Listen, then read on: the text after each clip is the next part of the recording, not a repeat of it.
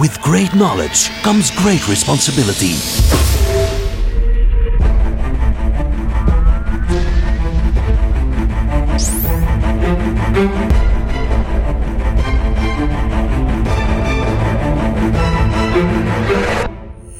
Fifty-two topics by Maarten Bové en Kevin Couvreur.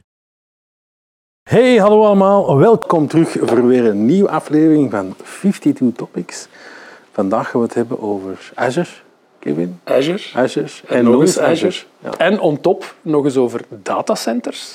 Ja, ja. Want je eh, praat heel graag over Azure, Absoluut. Het is ook het meest gebruikte woord volgens mij van al onze afleveringen eh tezamen. Ja. Ehm, Dat gaan we toch nog eh, eens. mensen die het graag eens tellen, eh, we nodigen jullie met plezier uit om dat eens te doen. Eh, we zullen zien dat er een beloning aan vasthangt. Maar dat zal Kevin later eh, Ja, dat, regelen. Ja, een belangrijke, interessante aflevering vandaag, Kevin. Hè, want ja, Azure is niet alleen services, Ja. maar is ook datacenters. En we hebben vandaag iemand ja, die alles weet van die Azure datacenters. Ja. Ik ga mij proberen vandaag niet te misspreken. We hebben een speciale gast in onze studio. Eh, we hebben Ron Poters van Microsoft België bij ons in de studio. Welkom. Welkom, Ron. Dankjewel, Ehm, dankjewel. Ja, ik zou zeggen, stel u gerust even voor. Wie ben je en wat doe je bij Microsoft? Ja. Ik eh, ben eh, Business Strategy Manager bij Microsoft. En dat wil zeggen dat ik me bezighoud met ehm, strategische projecten die op ons pad kruisen, of strategische opportuniteiten. Ik analyseer die, ik bekijk die, ik maak daar business cases rond. En eh, sommige van die projecten die pakken wij op en die, eh, die gaan wij uitvoeren. En ik ben zo de medeoprichter van het eh, Digital Ambition programma, ons investeringsprogramma in België. Oké, interessant. Misschien moeten we daar als eerst mee beginnen. Ron, kan je daar meer over vertellen? Ja, ja, dus Digital Ambition is een programma dat wij in november 2021 hebben aangekondigd, samen met onze eerste minister Alexander De Croo. Met als doel om eigenlijk de digitale transformatie van de private en de publieke sector in België te gaan accelereren, te gaan versnellen. Ehm, en eh, door een, grote investering in het land te doen, over verschillende pilaren. En We gaan eh, zorgen dat mensen digitale vaardigheden hebben. hè. Een groot eh, een probleem in de Belgische samenleving om die digitale vaardigheden aan te leren voor de, eh, voor de, eigenlijk de jobs van morgen.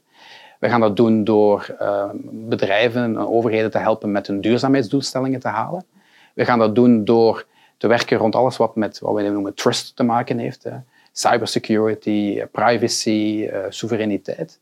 En we gaan dat doen door innovatie naar België te brengen en bedrijven, overheden de, de mogelijkheid geven om met artificiële intelligentie en dergelijke ja, nieuwe, nieuwe projecten, nieuwe eh, oplossingen te gaan, te gaan bouwen. Dus het belangrijkste in dat plan is eigenlijk de investering in een eh datacenterregio hier in het hart van België, in het hart van Europa. Ja. Je spreekt over een datacenterregio. Dat klinkt al eh, heel chic eigenlijk. België is op zich op wereldschaal niet zo groot qua oppervlakte. En om ons dan als regio eh, te kunnen eh, benoemen is wel krachtig, denk ik. Wilt dat dan ook zeggen dat het niet gaat over één datacenter die gaat geplaatst worden? Hoe moet ik dat zien? Inderdaad, dus we spreken consequent over een datacenterregio, omdat eh, een, Azure-regio die bestaat uit meerdere wat we noemen beschikbaarheidszones. Een beschikbaarheidszone is eigenlijk een cluster van datacenters, één, twee of meerdere datacenters, die op een strategische plek in het land staat. En we hebben drie van die availability zones, van die, van die beschikbaarheidszones, zodanig dat, mocht er ergens een groot probleem zijn, dat die andere zones eigenlijk binnen twee milliseconden die workload eh, kunnen, kunnen overnemen. Die zijn dus ook individueel geconnecteerd op het eh, energienetwerk, individueel geconnecteerd op, ja, op het eh, connectiviteitsnetwerk. En die locaties zijn ook gekozen aan de hand van een veertigtal parameters. Is het in de buurt van een bos? Is het in de buurt van een rivier die kan overstromen? Ligt het onder een aanvliegroute van een luchthaven, et cetera? Zodanig dat de, de, de risico's goed in kaart gebracht zijn en dat we in het geval van een, een, een groot probleem, het gebeurt zelden, maar stel dat het zich eh, voordoet, dat de applicaties van onze gebruikers en de data van onze gebruikers nog op twee andere fysieke locaties staat en de gebruiker eigenlijk niet gaan merken dat er zich een groot probleem voordoet. Ja, als ik het eh, goed heb begrepen, of eh, na een klein beetje studie, de regio's dichtstbij voor België op dit moment, dat zijn Amsterdam, denk ik, en dat is in Ierland, of, of heb ik het fout? Ja, we hebben eh, een, een, van oudsher twee hele grote regio's in, in, in Ierland en in, in Nederland, inderdaad. En we hebben in de tussentijd ook een, een regio opengedaan in, in Duitsland, in de omgeving van Frankfurt, en eentje in Parijs, in de omgeving van ja, Parijs, eh, Parijs zelf. En er is ook nog eentje in Londen, dat is natuurlijk buiten de EU, maar qua afstand is dat natuurlijk ook niet al te ver. Ja, oké. En dus, ja, de datacenters komen naar België, die worden op dit moment gebouwd. Ehm, ja, kunnen we misschien al meer weten waar worden die gebouwd? Uh, hoe ver staan we daarmee? Ja, ja. dat zijn de vragen die, die, die, die vaak gesteld worden en terecht natuurlijk. Hè. Dus de, de datacenters worden gebouwd eigenlijk rond Brussel omdat we zien dat de meeste klanten, de meeste potentiële klanten waar we naar kijken, overheden, grote bedrijven, etc., zich in het hart van het land bevinden. Dus we wilden kort bij, de, bij hen zitten. Dit is een datacenter dat is gebouwd in België, voor België en op de schaal van België. Ehm, en we zijn vandaag de dag bezig met de, met de ruwbouw daarvan. Dat, zijn, dat zijn grote infrastructuurprojecten. En dat is als een, het bouwen van een ziekenhuis. Daar, komen heel veel disciplines bij kijken. Um, en we hebben nog wel een jaartje nodig om dat verder af te werken. En, uh, en tegen dan gaan we iets meer duidelijkheid hebben over wanneer we echt in, in business kunnen zijn. Hopelijk zo snel mogelijk natuurlijk. Nu, ja, ik denk latency is ook een heel belangrijk eh, element. Hè. Ik denk dat dat ook een voordeel is van de datacenters in België te hebben. Ja, hoe, hoe gaan jullie daar een verschil mee maken door echt naar België te brengen? Ja, maar mag ik nog even tussenkomen? Tuurlijk. Ik heb zo'n klein signaaltje gezegd, latency. Misschien zijn er toch redelijk wat mensen die dat woord woordmoment. niet echt kennen. Moeilijk woordmoment. Ron, kan jij uitleggen wat dat latency is? Ja, latency is eigenlijk de, de vertraging die zich voordoet op het netwerk tussen het punt waar de actie zich voordoet en waar die eigenlijk verwerkt wordt. En in veel scenario's is dat interessant of zelfs levensnoodzakelijk dat die zich heel kort bij elkaar eh, bevinden. Als het om oplossingen gaat die zich in real-time, uh, waar de data in real-time verwerkt moet worden, ja, dan, dan staan die best kort bij elkaar en moet je niet met een lange lijn naar bijvoorbeeld Amsterdam of Frankfurt om uh, de verwerking te doen. En dus inderdaad, dat is een van de redenen uh, waarom, waarom onze klanten aangeven dat het belangrijk is dat wij in België met een datacenter aanwezig gaan zijn, dat we inderdaad die, die, die latency kunnen gaan verminderen. Twee typen scenario's. Hè. Enerzijds innovatieve scenario's, hè. scenario's waar zaken autonoom of semi-autonoom gaan, slimme steden, slimme auto's, slimme drones, slimme boten. Is natuurlijk belangrijk dat die data snel geprocessed kan worden in een cloud en terug uh, verdeeld kan worden. Maar veel meer down to earth, zal ik zeggen, zijn de scenario's waarbij een klant vandaag in een bestaand on-premise datacenter zit heel erg aan het kijken is naar de cloud, maar natuurlijk die sprong niet in één dag kan maken. En eigenlijk met stukjes van die software of stukjes van hun applicaties naar de cloud gaat gaan. Maar dan is het wel belangrijk dat dat stukje in de cloud en het stukje dat nog in een traditionele datacenter zit, dat die zich redelijk kort bij elkaar bevinden, omdat er heel veel datatransfer gaat zijn tussen die omgevingen. Dus met het datacenter in België gaan we ook een oplossing bieden voor bedrijven, overheden, etc., die eigenlijk weg willen van een huidige datacenter, maar daar natuurlijk een aantal jaren voor nodig hebben om dat te realiseren. Um, een van de punten dat je ook aangaf was duurzaamheid. Hè. Dat is zoiets wat, wat redelijk trending is hè, als je rond technologie bezig bent af vandaag.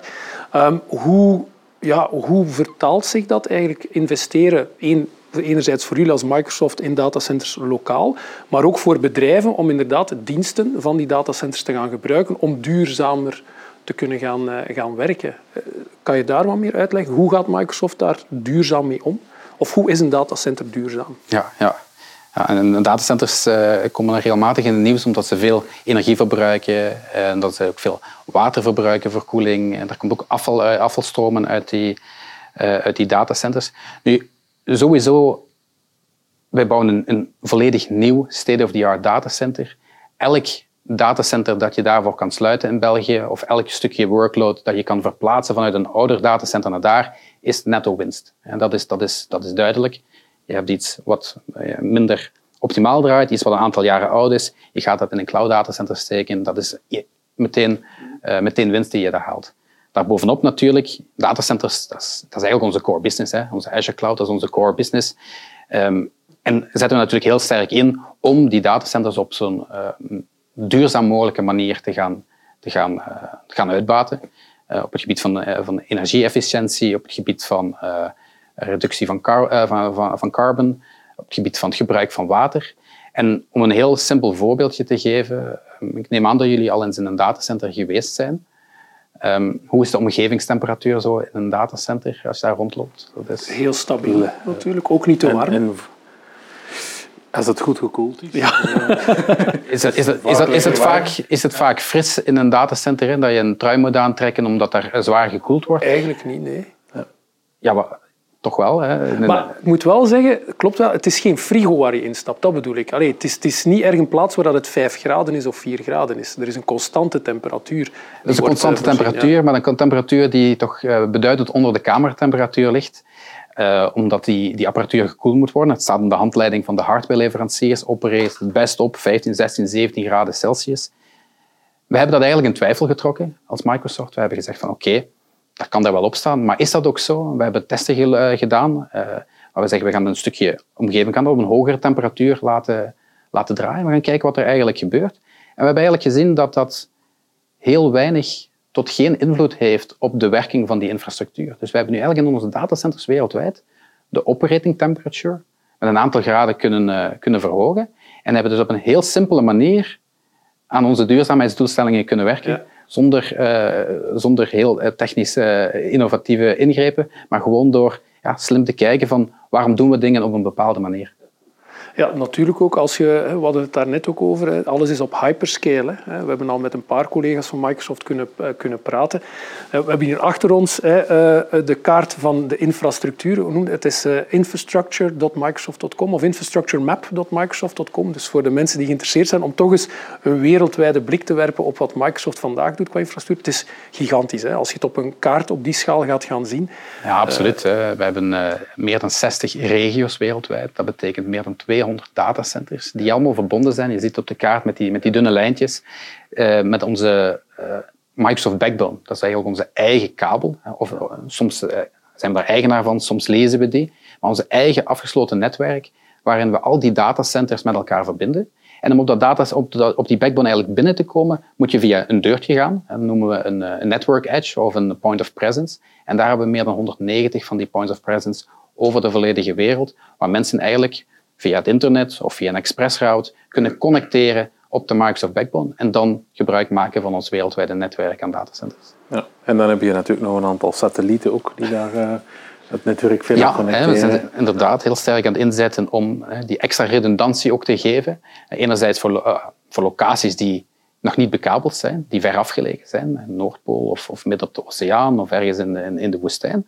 Maar anderzijds ook als een extra uh, een, een, extra connectiviteitspunt, mocht er uh, ooit iets gebeuren met de verschillende paden aan fysieke bekabeling tussen, tussen jouw locatie en de, en de Microsoft Cloud. Ik denk dat het ook belangrijk is voor bedrijven om ook te gaan snappen dat als ze vandaag bijvoorbeeld zeggen we nemen diensten af hè, binnen het datacenter die in België gaat komen, dat er automatisch ook redundantie is ingebouwd in het feit dat je die diensten afneemt. Hè. Dus Microsoft gaat zelf op zijn beurt ervoor gaan zorgen dat er een business continuity kan zijn. Hè. Maar ook voor bedrijven dat de optie bestaat van ja, ik start vandaag in België, maar ik wil redundantie of lokaal aanwezig zijn in het buitenland. Dus daar kunnen we ook veel sneller gaan schakelen om bedrijven daarin te kunnen helpen, denk ik.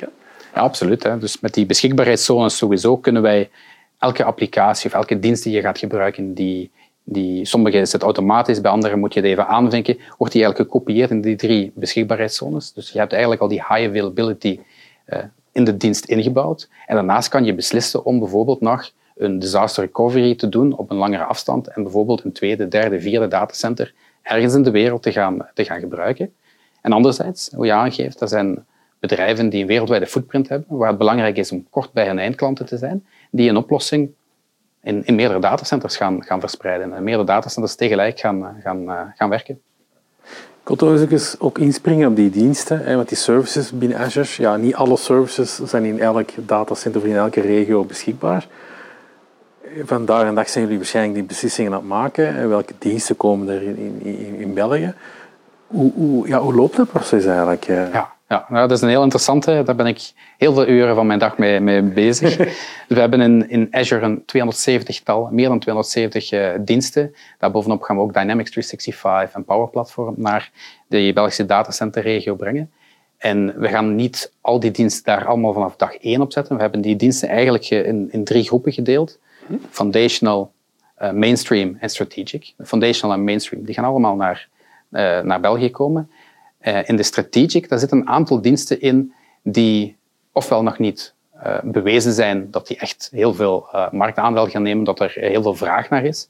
Ofwel gaan zijn dat diensten die een investering in additionele hardware vereisen. Onze datacenters draaien allemaal op identiek dezelfde hardware, mits enige uitzonderingen.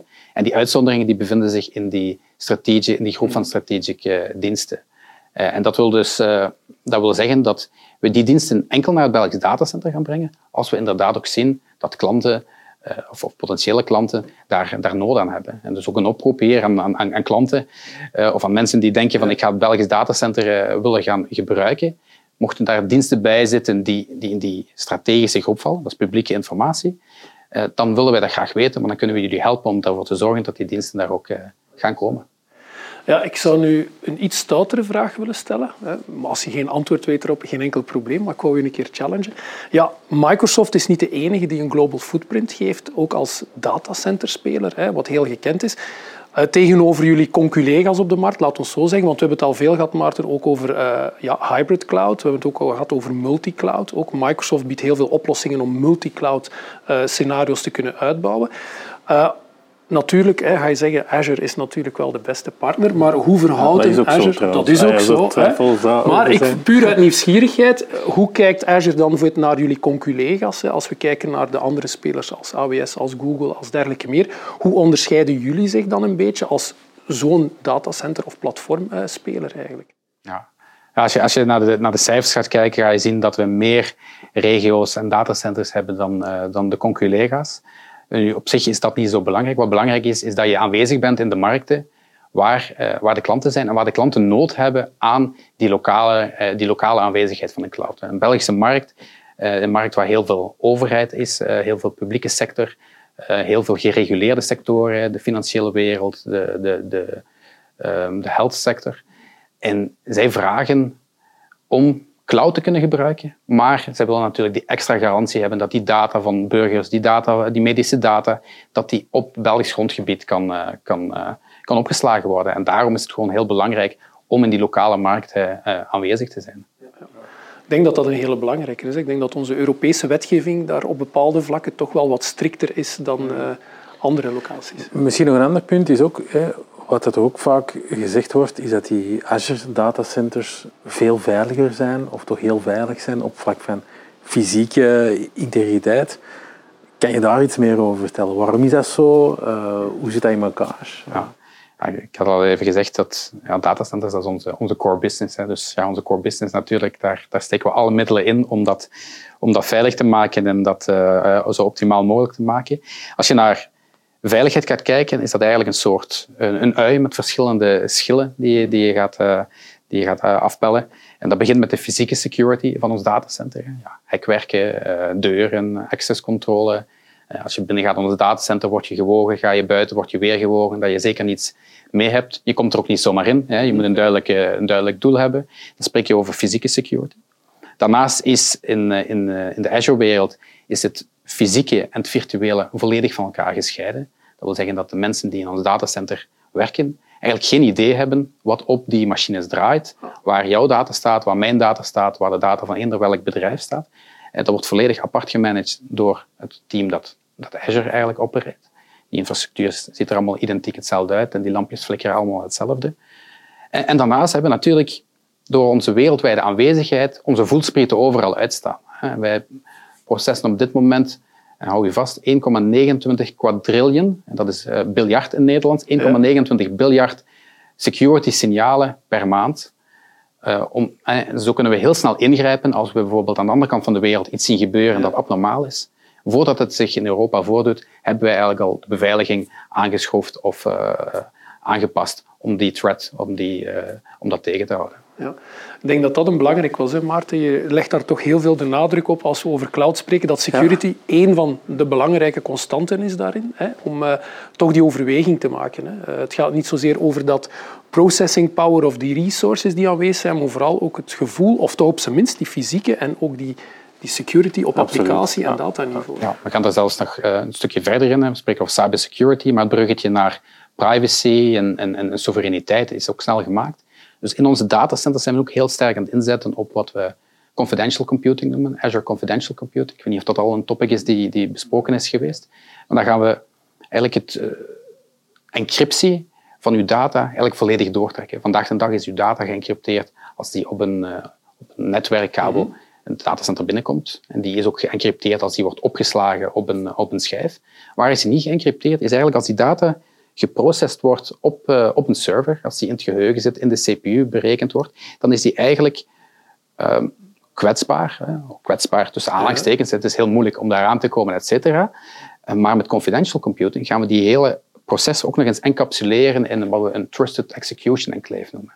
Dat wil zeggen dat je daar niet meer binnenkomt zonder dat je de juiste sleutel hebt. En dat is vooral op het gebied van privacy een extra uh, beveiliging die, die, die, die, die ervoor zorgt dat niemand toegang heeft tot die machine. Zelfs Microsoft engineers kunnen niet meer kijken wat er op die machine, op die machine gebeurt. En dan ben je er heel zeker van dat jouw data daar ja, de hoogste mate van, van privacy uh, waarborgen heeft.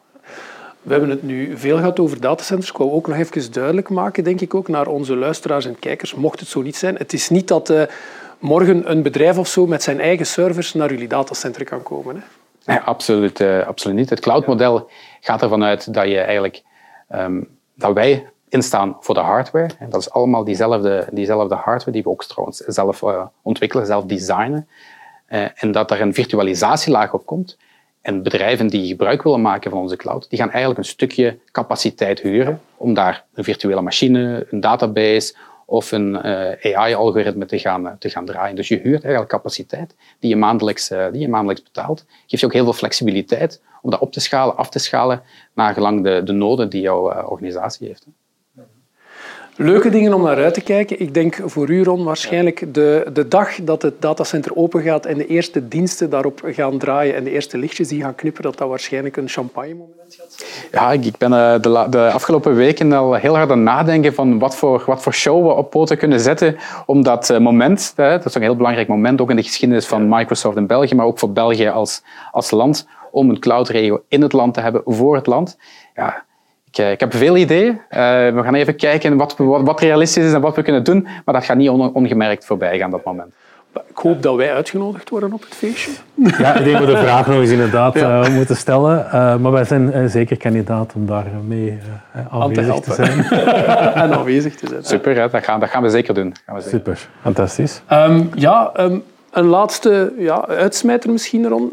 waarom zou een Belgisch bedrijf ja, moeten kiezen voor het Azure Datacenter in België? Ja, bedrijven moeten sowieso niet kiezen. Hè. Bedrijven hebben de flexibiliteit en de mogelijkheid om eender welk datacenter te kiezen. Um, maar mochten zij werken met gevoelige data, uh, data over burgers, medische data, uh, mochten zij behoefte hebben aan uh, de snelle verwerking van die data, dan gaat het Belgisch datacenter een extra optie zijn, een extra mogelijkheid zijn om data kort bij huis in eigen land op Belgische bodem te gaan verwerken en, en opslaan. Super. Mooie uitsmijter zou ik zeggen. Absoluut. We hadden het niet beter gekund, Maarten, denk ik. Um, ja, ik hoop voor jullie, kijkers en luisteraars, hè, dat het in ieder geval weer een verrijkende 52 Topics was. Ja. Ik, vond, ik was in elk geval heel ja. enthousiast. Je was heel goed aan het luisteren, heb ik opgemerkt, Maarten. Dus uh, heel veel interessante zaken. Dus uh, ja, misschien is het een optie voor... Uh, onze kijkers of luisteraars om inderdaad nog eens uh, beter na te denken over de cloud-mogelijkheden van uh, Azure. Ja. Dus, uh, en ik zou zeggen, bedankt voor te kijken en te luisteren en tot de volgende 52 Topics. Bye. Bye.